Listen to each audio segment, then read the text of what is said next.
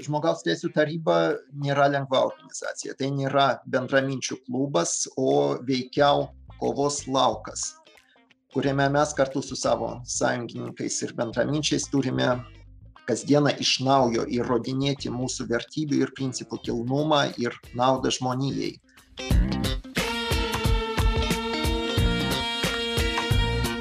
Sveiki, su jumis Talking Diplomacy ir šį kartą nuotoliniu būdu kalbamės labai svarbia, tačiau dažnai savaime suprantama laikoma tema - tai yra žmogaus teisės bei Lietuvos kandidatavimas į Junktinių tautų žmogaus teisų tarybą, kaip tai veikia ir kas mūsų laukia.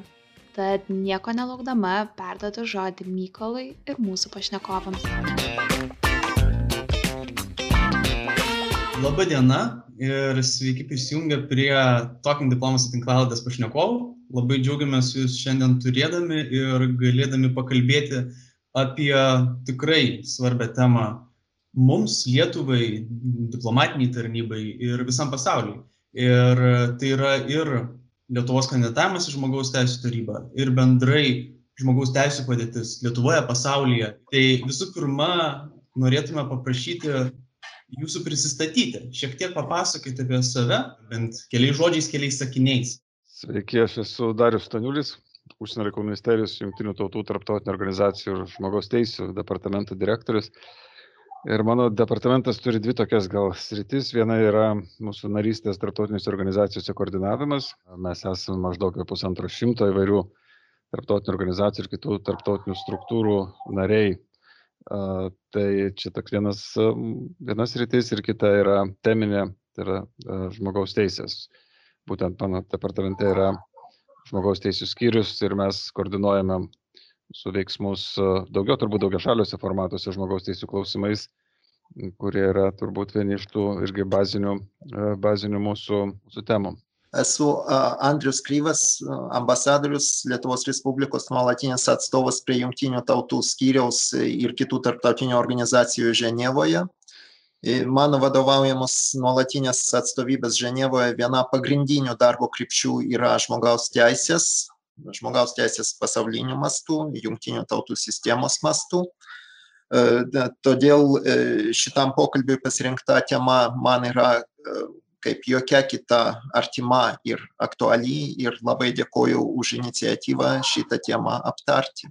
Labai malonu susipažinti ir norėtume pradėti nuo klausimo jums dariau, gal galėtume tiesiog papasakoti mūsų klausytojams, kas tai yra tos žmogaus teisės ir kodėl svarbu apie jas kalbėti net ir šiandien, net ir 2021-aisiais aš turbūt tada užimsiu visą laiką šito renginio mūsų, bet gal, gal kad neužimti jo, tai pabandysiu tiesiog kelis tokius akcentus sudėlioti.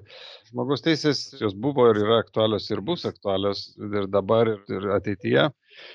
Šita tema yra tokia ir, ir, ir kaip ir aiški, bet ir kartu neišsemiama. Nes mes čia kalbam apie, apie turbūt tas vertybės, ant kurių stovi pati mūsų šiuolaikinė demokratija ir šiuolaikinė visuomenė. Bet žiūrint tokius gal konkretesnius dalykus, tai mūsų, mūsų turbūt svarbiausias dabar, dabar veiksmas, kurį mes, kurio mes šitame, šitą didžiulę, plačioj, plačioj srityje užsiimame, tai yra Lietuvos kandidatavimas į Junktinių tautų žmogaus teisų tarybą.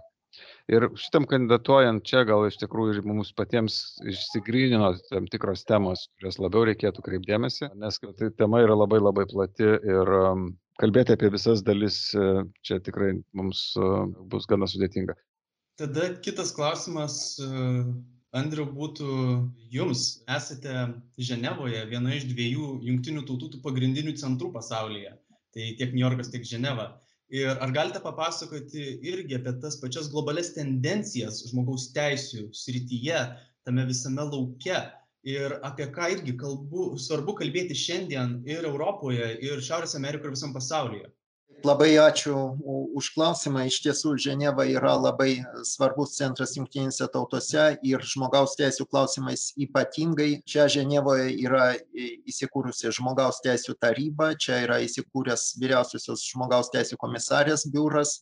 Čia dirba Junktinių tautų žmogaus teisų konvencijų priežiūros komitetai. Tai būtent stebėdami šitų institucijų darbą mes ir matome tas pasaulinės tendencijas žmogaus teisų srityje. Mes kaip Lietuva, kaip ES narė išpažįstame bendras su vakarų valstybėmis, vakarų demokratijomis vertybės, kurios pilnai atsispindi žmogaus teisėse.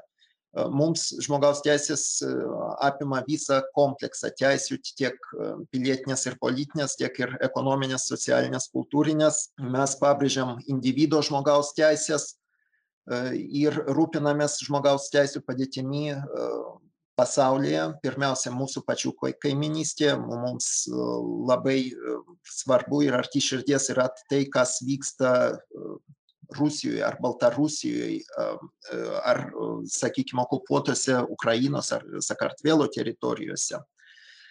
Bet mes kartu su bendraminčiais, siekdami solidarumo, negalim pamiršti, apleisti dėmesio ir tolimesnių pasaulio regionų, žmogaus teisų padėties negalim pamiršti toj pačioj Kinijoj, Venezueloj, Kuboj, Pietų Sudane, Mianmarė ir kitur. Nes tik solidarizuodamėsi su bendraminčiais mes galime pasiekti šitų tarptautinių žmogaus teisų institucijų sprendimų, kurie prisideda prie žmogaus teisų padėties gerinimo. Taigi, kalbant apie tendencijas pastaruoju metu, labai ryškių pokyčių buvo susijusių su tuo, kad buvusio JAV prezidento Trumpo administracija patraukė Junktinės valstijas iš žmogaus teisų tarybos darbo. Jie ne tik atsisakė narystės žmogaus teisų taryboje, bet ir apskritai nustojo dalyvauti jos veikloje.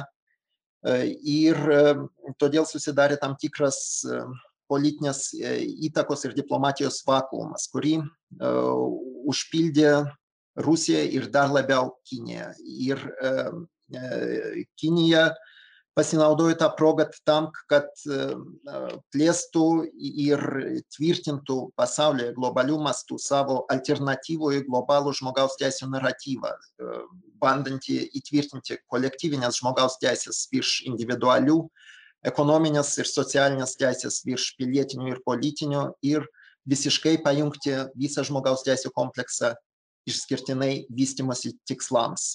Mes vakaruose ir Lietuvoje atitinkamai žmogaus teisės matome kaip savarankišką, savaime vertingą jungtinių tautų veiklos kryptį ir viena iš atramų. Dabar labai gerai, kad naujoji JAF administracija nusprendė sugrįžti į žmogaus teisų tarybą, vėl kandidatuoja į narystę, įsijungia į veiklą, jie yra labai svarbus mums bendraminčiai ir sąjungininkai, bet žinoma, tas pažeistas balansas, jis neatsistato automatiškai. Tam atstatymui dar reikės įdėti daug pastangų iš JAV, iš ES, kitų bendraminčių pusės ir mūsų Lietuvos žmogaus teisų tarybos narystės siekis yra ryšto prisidėti prie tokių pastangų ir imtis atsakomybės už žmogaus teisės globalių mastų išraišką.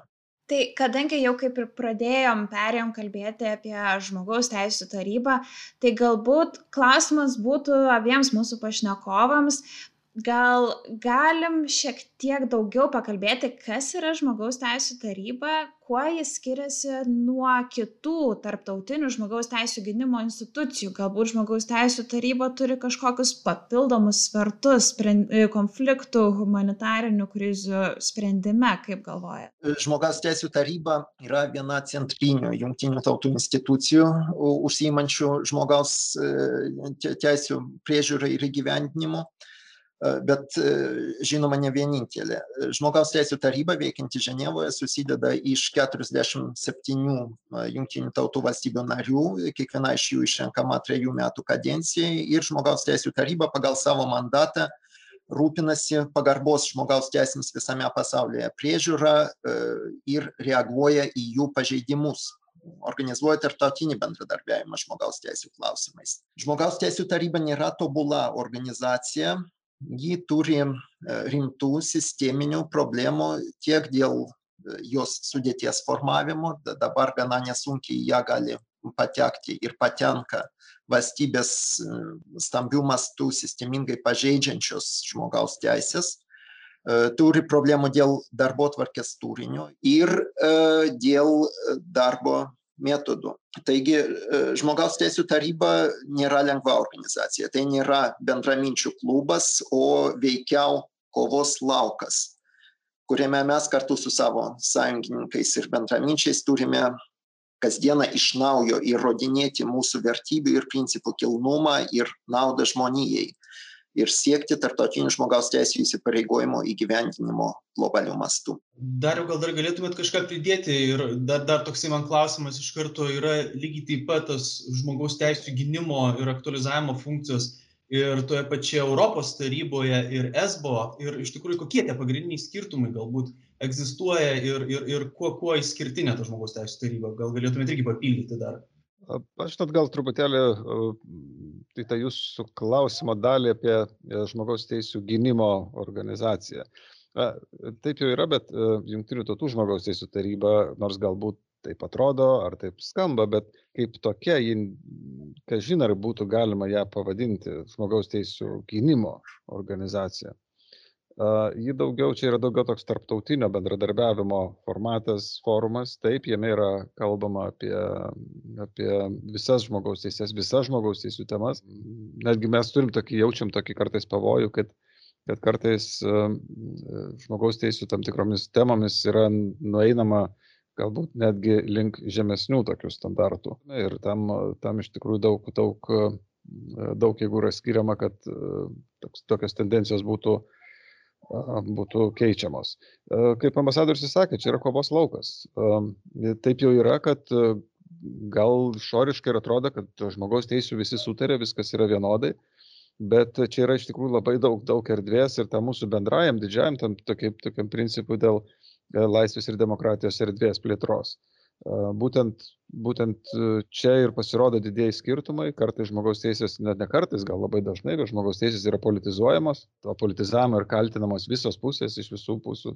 Ir klausimai, kurie, kurie yra, na, iš tikrųjų, taip, tas mūsų fundamentales vertybės kartais tampa uh, ginčių, ginčių objektais. Pratesiant klausimą apie, apie kitas tarptautinės organizacijas, tai mes tikrai esame turbūt labai laimingi, kad mes esame Europos tarybos um, žmogaus teisų sistemos ir žmogaus teisų gynimo sistemos dalimi. Čia yra pati efektyviausia pasaulyje egzistuojanti žmogaus teisų gynimo sistema. Gal taip atrodytų, kad jungtinės tautos, ta bendrasis skėtis toks virš visų valstybių, bet, bet šiuo atveju regioninė struktūra yra gerokai efektyvesnė, nes čia yra Europos žmogaus teisų teismas. Tai e, čia yra e, tokia sistema, kuri, kuri numato labai ne tik tai normas, bet numato labai konkrečias jų gynimo, gynimo galimybės. Tuo metu, kai, kai buvo sukurta dar, na, Lietuvai, Lietuvai nesant šitos sistemos dalimi, buvo šalių nustebimo tokio,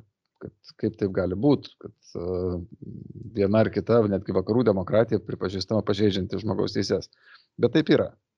Ir kartas nuo karto ir Lietuva yra, mes esame taip pat ir tų bylų laimėję ir pralaimėję, bet čia yra požiūrio klausimas. Ir ar mes į tokius, klaus, tokius veiksmus žiūrime kaip, kaip į galimybę tobulėti ar bandom gintis. Tai mes turbūt žiūrime į tai kaip į galimybę tobulėti. Kalbant apie šitas pagrindinės organizacijas, mes stengiamės visose šitos organizacijose veikti, veikti nusekliai ir vėlgi atsiremdami tą laisvės ir demokratijos plėtros bendrai tikslą. Aišku, jos yra kiekviena skirtinga, kiekviena turi savo dinamiką, savo, savo procesus, bet bet turbūt mūsų čia ir yra toks gal bandymas būti, būti, būti nusekliais e, visose šitose formatuose. Tada norėčiau grįžti prie uh, pačios to žmogaus teisų tarybos, iš tikrųjų, ir apie tą patį kandidatavimą mūsų. Tai kodėl būtent šis laikotarpis, ar mes esame dabar geriausiai pasiruošę kandidatavimui, buvime pačiame žmogaus teisų taryboje. Ir kiek žinau, mes jau esame kandidatavę ir seniau. Tai buvo apie 2006 metai, jeigu neklystu. Ir ar yra kažkokia tai, galbūt kažkokia jau patirtis iš to seniau ateina Lietuvai. Ir ar galite tiesiog apie tą patį Uh, ir apie patį stebėtojo statusą papasakoti. Aš tik tai gal tada apie tą ankstesnę patirtį mūsų. Taip, iš tikrųjų Lietuva kandidatavo Mes planavome tapti Junktinių tautų žmogaus teisų komisijos nariais, buvo toks Junktinių tautų organas, bet maždaug, maždaug 2004-2005 metais prasidėjo procesai, kurie vietoj, na, tiems procesams pasibaigus vietoje žmogaus teisų komisijos buvo įkurta žmogaus teisų taryba. Kaip suprantat, kai kuriama nauja, nauja institucija, atsiranda daug dėmesio atsirado, susidarė labai didelė konkurencija. Ir tuo metu mes, mums pritrūko labai nedaug, keturių balsų tai tuo metu. Bet aišku, tos kampanija, ta kampanija, kuri buvo tuo metu ir kuri dabar vyksta, jos visiškai kokybiškai skiriasi. Kandidatuojant į žmogaus teisų tarybą šiek tiek yra toks specifinis dalykas, kuris skiriasi nuo kitų, nuo kitų tiek jungtinių tautų ar kitų tarptautinių organų. Čia valstybės turi pateikti savanoriškus įsipareigojimus jos turi pateikti tokį pareiškimą, ką jos ruošiasi daryti tai žmogaus teisų tarybai, kokie jų prioritetai, na, šiek tiek gal papasakojant ir savo patirtį. Šitas procesas irgi dabar jau gerokai įsivystęs. Tuo metu, prieš jau tiek daugiau kaip dešimt metų, tai dar nebuvo taip aiškiai, aiškiai išsikristalizavę. Mūsų čia bus pirma narystė, tai e, tikrai jau daug šalių yra, ne, ne vieną ir ne du ir ne tris kartus buvę kad taryba yra gana didelė, palyginus su, su saugumo taryba, tai e, valstybės tikrai turi daugiau galimybių čia pakliūti ir, ir mūsų šitas kandidatavimas tikrai yra jau toks, e, aš sakyčiau, pribrendęs. Jeigu leisite papildyti tai, ką pasakė direktorius, kodėl būtent dabar siekime narystės, aš sakyčiau, čia yra to toks neblogas ilgalaikio politinio planavimo pavyzdys. Iš tikrųjų, iš to pirmo spontaniško kandidatavimo, kuris buvo dėja nesėkmingas, pamokos buvo padarytos ir buvo suprasta, kad kandidatavimui reikia ruoštis ir tai reikalauja pastangų, tai reikalauja resursų, tai reikalauja laiko. Buvo iš anksto anonsuotas Lietuvos ketinimas būtent 22-24 metais siekti narystės žmogaus teisų taryboje ir link to tikslo buvo nuosekliai einama. Ir tas etapas, kuriame mes esame dabar, rodo, kad mūsų šansai yra labai neblogi. Kol, kol kas yra dvi kandidatės mūsų regioniniai grupiai į dvi uh, atsilaisvinančias uh, vakancijas toj pačioj regioniniai grupiai. Uh, tai je, jeigu taip lygs iki pat rinkimų šiuo metu rūdinėt, tai turėtų viskas praeiti gerai ir turėtume būti sėkmingai išrinkti.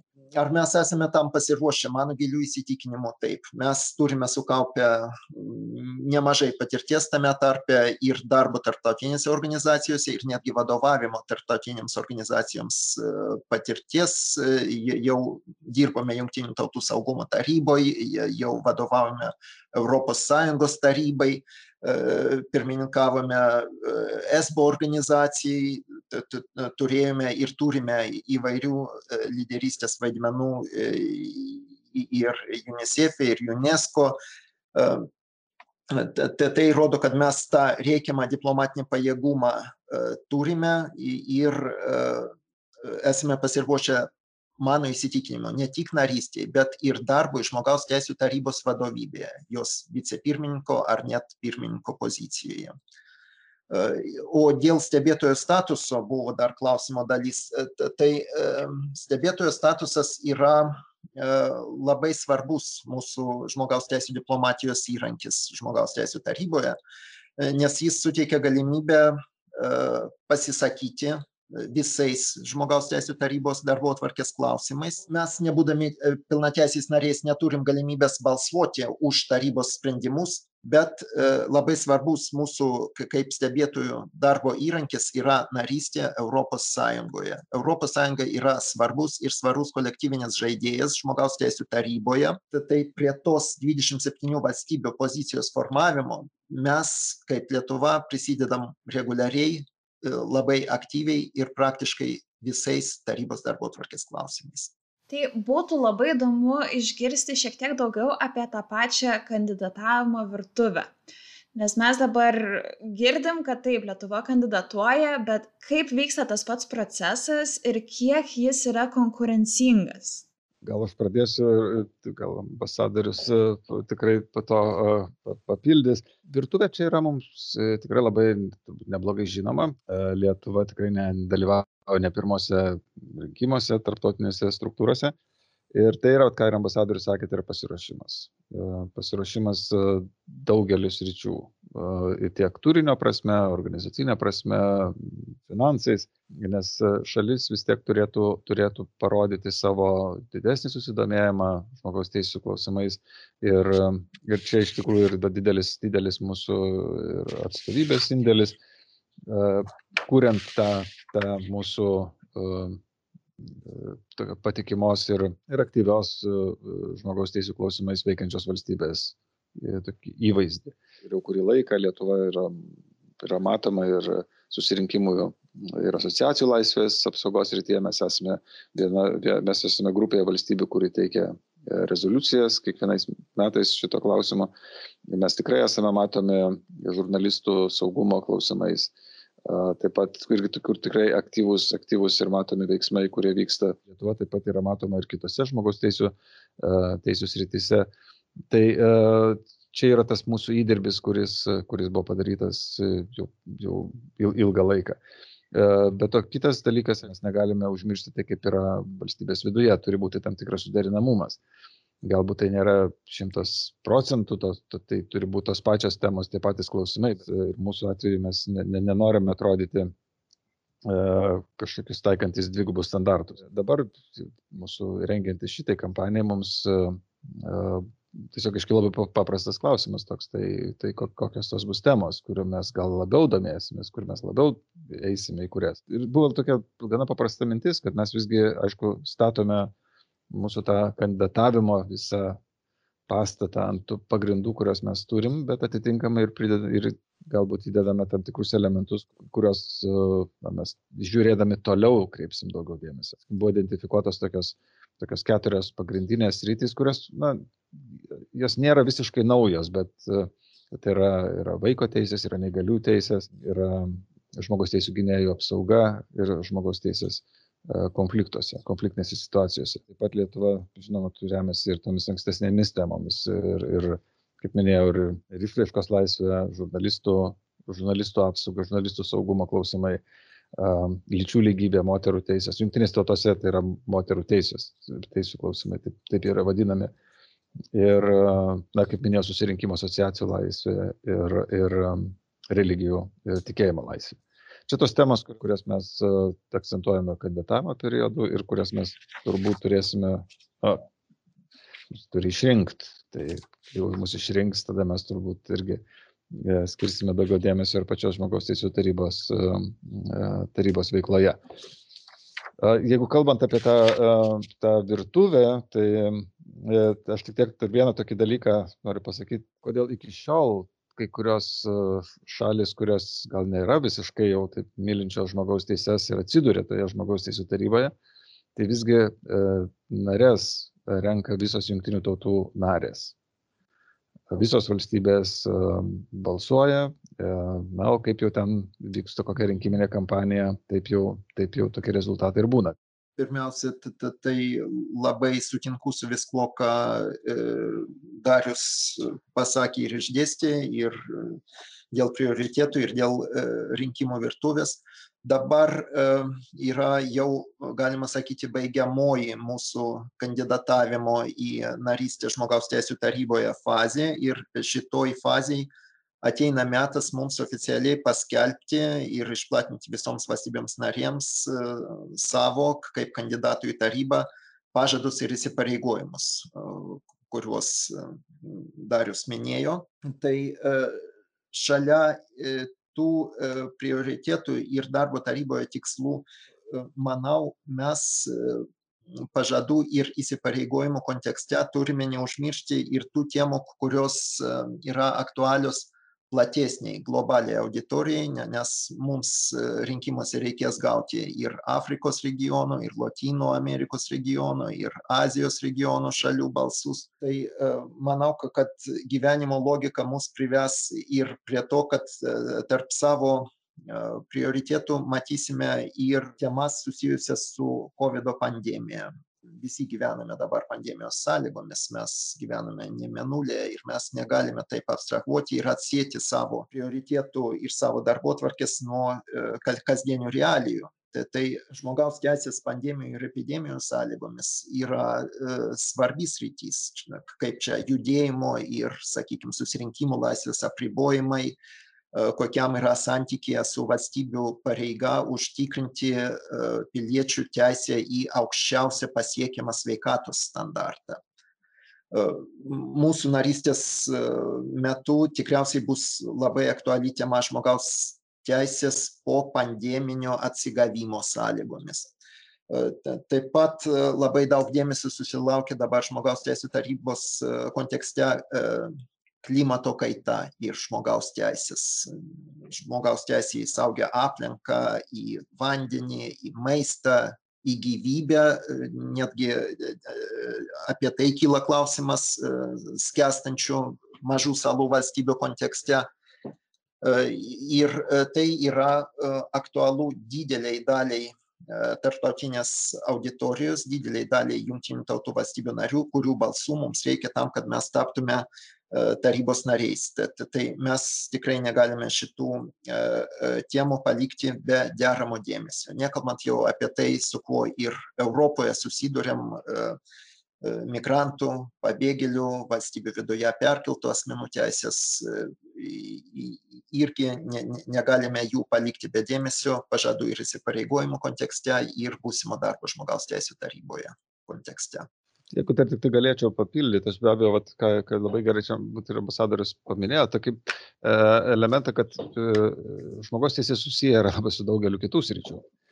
Ir be abejo, tos, tos aktualijos jos, jos daro įtaką tam, kas, kas vyksta ir žmogaus teisų taryboje ir atitinkamai šalis ateinančios jos turi atsižvelgti. Tai greta šitų temų gali būti, kad mes turėsime ir, ir tas pačias dirbtinio intelekto kažkokias problematika atspindima žmogaus teisų taryboje. Daug sąsajų yra su, su vystimosi klausimais. Čia yra labai platus klausimai, jie yra susijęs tikrai labai labai didelė dalimi temų, kurios kurios aktualios tarptautinė bendruomenė ir kurios aktualios ir, ir, ir atskiroms valstybėms. Gal dar paminėkime ir žmogaus teisės skaitmeninėje erdvėje nu, 21 amžius, ta darbo tvarkė, kurią mes pristatome darbų žmogaus teisų taryboje, tu, tu, turi būti ne tik tradicinė, bet ir moderni ir žvelgianti į ateitį.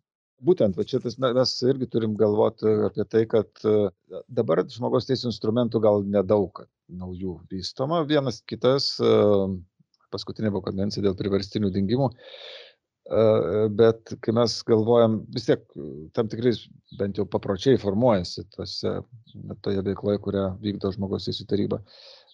Tai priima rezoliucijas, kurios nėra teisiškai privalomas, bet galų gale jos vis tiek transformuojasi į vienokius ar kitokius veiksmus. Ir kai jos yra svarstomas ir priimamas, mums iš tikrųjų reikia labai daug pagalvoti ir apie tai, kad e, tie sprendimai, na, aišku, jie daugiau susijęs su, su praeitimi, tam tikromis patirtimis, uh, bet visgi, kad jos turėtų įtaką ir kokią jos įtaką turės ateičiai. Kaip jos veiks, veiks ir tos normos ar, ar, ar kažkokios elgesio taisyklės, kurios formuojasi, kaip jos atrodys po 10, po 15, po 20 metų, kas bus, bus toliau.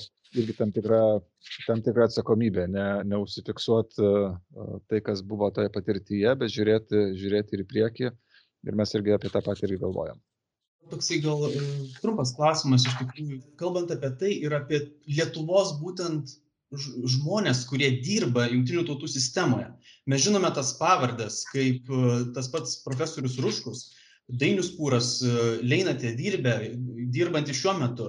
Ir iš tikrųjų, ar jų, jų svarba buvimo, čia galbūt tame kontekste ne tik žmogaus teisų tarybos, bet bendrai viso jungtinių tautų sistemos kontekste, ar galėtume turėti daugiau tokių žmonių, kurie tos ties tom svarbiom temom, kaip neįgaliųjų teisės, teisės į sveikatą, moterų diskriminacijos panaikinimas, ar galėtume jų turėti daugiau ir kiek jų vaidmuo yra svarbus šiame visame plačiame kontekste. Iš tikrųjų, kai atvykau prieš keletą metų dirbti į Ženevą, tai jūsų minėti profesorius Jonas Rūškus, profesorius Dalia Leinartė, profesorius Dainius Pūras buvo ir iki šiol lieka tarp šviesiausių asmenybių, su kuriais teko susitikti ir bendradarbiauti tiek Ženevos kontekste, tiek ir apskritai gyvenime. Jų vaidmuo yra labai svarbus, nu, jie dirba skirtingose struktūrose, tai tikriausiai, kad apie tas struktūras reikia kalbėti atskirai individualiai.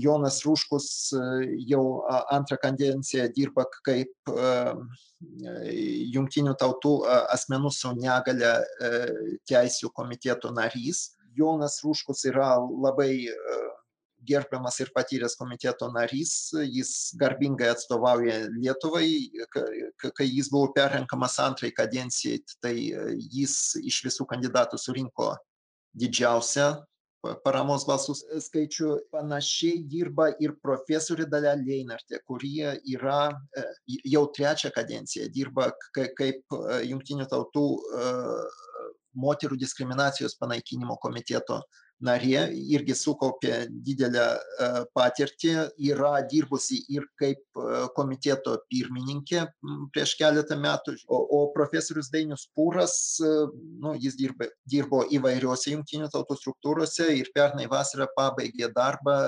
specialiojo pranešėjo žmogaus teisėjai į sveikatą postė irgi labai garbingai šitą darbą atliko, susikūrė labai gerą vardą, labai gerą stiprią reputaciją ekspertų tarpe.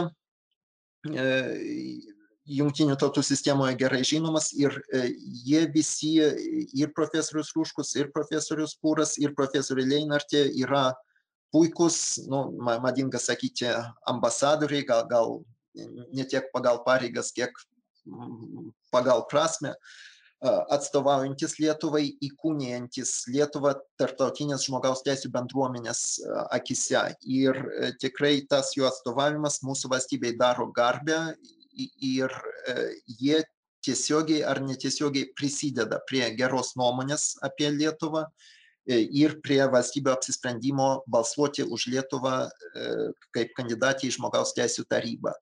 Ar mes galime turėti daugiau tokių atstovų? Taip, galime.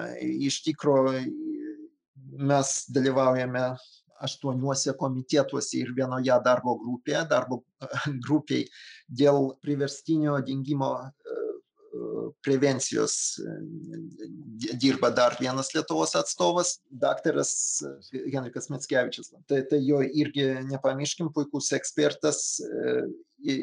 Ir mes Lietuvoje turime ir daugiau ekspertizės žmogaus teisų srityje ir tikrai galime daugiau kandidatų iškelti.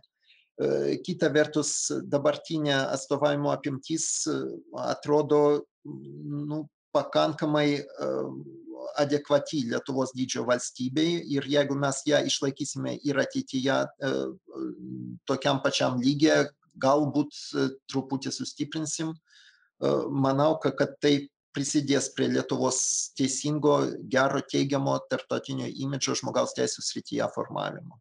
Jeigu tik truputėlį pratęs, aš ir visiškai pritariu, tikrai mes galim turėti daugiau tų ekspertų, ir turbūt ne tik galim, bet ir turim. Yra patirties, Lietuvoje yra žmonių dirbančių tiek gal bendresnėmis temomis, tiek konkretesnėmis temomis, kurios atitinka šitų komitetų veikimo sritis. Ir, ir manau, kad mes, jų, kad mes jų turėsim. Kai buvo išrinktas pirmas mūsų, pirmas lietuvis ekspertas, kuris buvo išrinktas, buvo profesorius Pūras, tuo metu gal iš tikrųjų irgi atrodė, kad kad tai yra kažkokia tai, kažkoks tai neįtikėtinas dalykas, bet žinot, nu, mes turime ekspertus, kurie iš tikrųjų yra pasaulinio lygio. Yra tokių Lietuvoje. Mes gal kartais kuklinamės, gal, gal abejojam tam galimybėm, bet būtent šitų trijų mūsų ekspertų patyrimas ir jų, e, jų įvertinimas e, pačiose komitetuose irgi tai yra tikrai, tikrai ženklas, kokio lygio yra ekspertų Lietuvoje. Tai e, ir tikrai yra, aš irgi visiškai, visiškai pridedu, prisi, pri, pri, prisijungiu prie to vertinimo, kad, e, kad tai yra ir mūsų, mm, e, mūsų to indėlio į tarptautinės žmogaus teisų apsaugos pastangas irgi įvertinimas. Ir tai yra dalis. Ir, ir aš labai labai tikiuosi ir mes tikrai labai galvojam apie tai, kaip reikėtų, kaip reikėtų tą mūsų, mūsų dalyvavimą padidinti. Tęsiant tą būtent atsigrėžimą į Lietuvą, ką reikš Lietuvai? Būtent mums, esantiems Lietuvoje, galbūt Lietu, Lietuvos visuomeniai, būtent Lietuvos atstovavimas ir darbas žmogaus teisų taryboje. Ir ar tai galbūt netgi padėtų spręsti kai kuriuos klausimus pas mus namuose, kurie vis iškyla visuomeniai, kaip galvojat? Labai taiklų, Gabrielė. Iš tikrųjų, e, žmogaus teisų tarybos narystės e, reikšmėje Lietuvai išskirčiau tokius du aspektus. E, vienas globalus tarptautinis, tokia narystė be abejo stiprina valstybės tarptautinį autoritetą, prestižą ir įtaką. Mes turėsim balsą priimant rimtos tarptautinės institucijos sprendimus, rezoliucijas.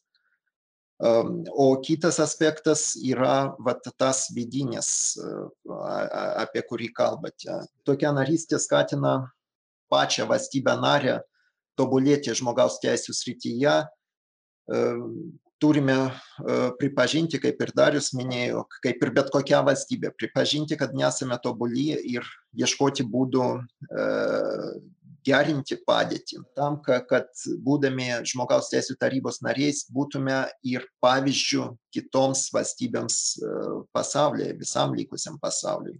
Tai labai norisi tikėtis, kad narystė žmogaus teisų taryboje pasitarnaus mums savotiškų stimulų ir vienai kitai konvencijai ratifikuoti, nepamirškime Stambulo konvencijos tos pačios, ir asmenų, tos pačios lyties asmenų partnerystėje įteisinti, tobulinti moterų ir mergaičių, vaikų, asmenų su negale, tautinių, seksualinių mažumų, kitų pažeidžiamų piliečių grupių teisų apsaugą ir gyvendinimą. Be abejo, tai yra susiję procesai ir jeigu mes neapleisime darbo šalies viduje, tai tik stiprins mūsų svorį ir autoritetą žmogaus teisų tarybos kontekste į mus bus labiau įsiklausoma, mūsų nuomonės bus labiau paisoma ir mes gausime daugiau sekėjų. Todėl ypatingai džiaugiuosi, kad dabartinės valdančiosios koalicijos sutartyje jau užsienio politika buvo stipriai susijęta su žmogaus teisėmis, žmogaus teisės iškeltos kaip vienas iš ir, man atrodo, netgi buvo pirmoji vietoj tarp užsienio politikos prioritėtų ir ta, tas pats atsispindi ir vyriausybės programoje. Tai, tai atveria puikias perspektyvas mūsų narystėje žmogaus teisų taryboje ir puikias perspektyvas žmogaus teisų sistemos tobulinimui pačioje Lietuvoje vis tiek kiekvienas turbūt iš mūsų pasižiūri ir vertinam padėti vienaip ar kitaip, to žmogaus teisų, gal per savo kažkokius patyrimus. Ir, ir visokių tų patyrimų yra, jie kartais labai būna nekokie ir, ir kartais netikėti, bet šiaip tame mūsų bendrai vertinime, kurį mes matome iš tarptautinių institucijų, jungtinių tautų ir visų ir kitų tarptautinių organizacijų, mes gyvename šalyje, kuri kurioje žmogaus teisų padėtis yra pakankamai gera. Tai aš tikrai pasakyčiau, kad, kad mes gal, gal irgi turėtume žiūrėti ir tą bendrą mūsų vertinimą. Narystė žmogaus teisų taryboje mums kažkaip tai kažkaip padės. Aš tai labai tikiuosi, kad nors be abejo dabar yra, mes matom ir tas ta, ta dėmesio didėjimą ir žmogaus teisų klausimais. Ir, ir turbūt na, tas mūsų buvimas taryboje gal, galbūt irgi toliau vystys tą, tą dėmesį vienai, vienai ir kitai, ar kitais ryčiai ir pritrauks mūsų taip pat kitas institucijas paskatins imtis uh, veiksmų, ypač ten galbūt tais klausimais, kurie, uh, kur, uh, kur jau to proveržio reikėtų kurį, kurį laiką.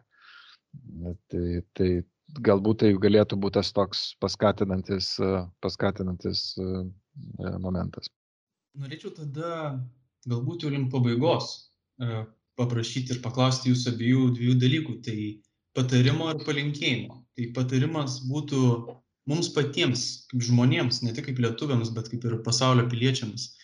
nuo ko reikėtų pradėti, žvelgiant į žmogaus teisės, nu, žiūrint iš tos nuo savęs tos pusės, ką reikėtų atkreipti dėmesį kasdienybėje, kiekvieną dieną.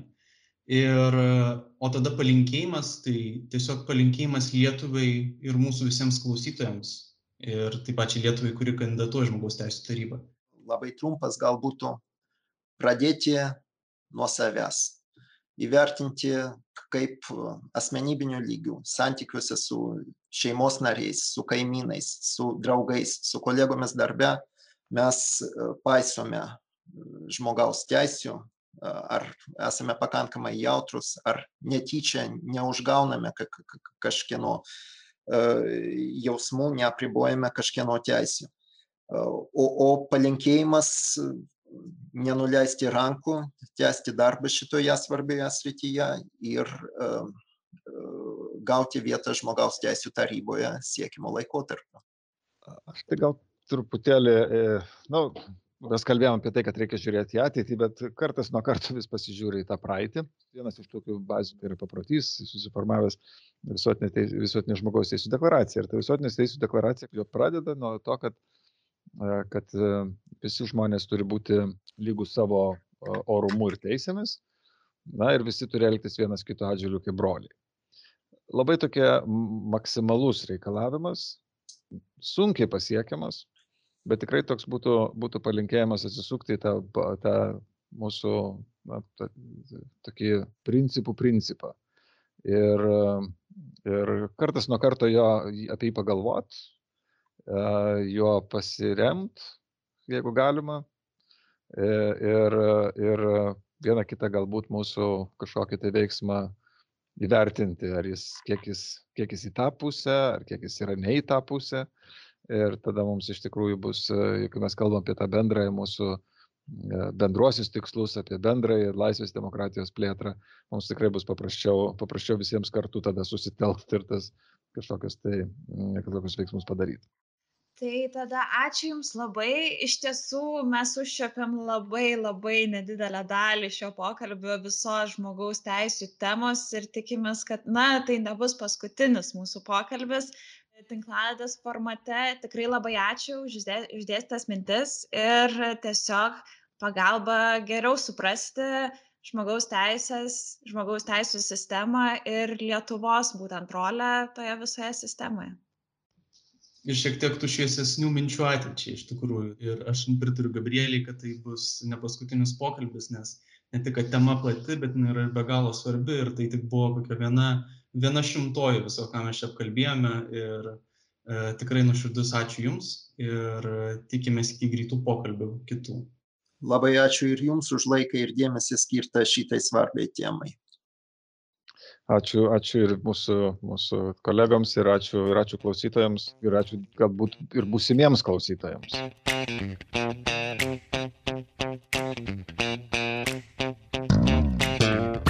Su jumis buvo Talking Diplomacy, Gabrielė Niekytė ir Mykolas Mazalevskis. Ačiū, kad klausėte. Kitus Talking Diplomacy epizodus galite rasti visur, kur klausotės podcast'o. Ir nepamirškite sekti užsienio reikalų ministerijos visose socialiniuose tinkluose, kad nepraleistumėte naują epizodą. Iki kitų kartų.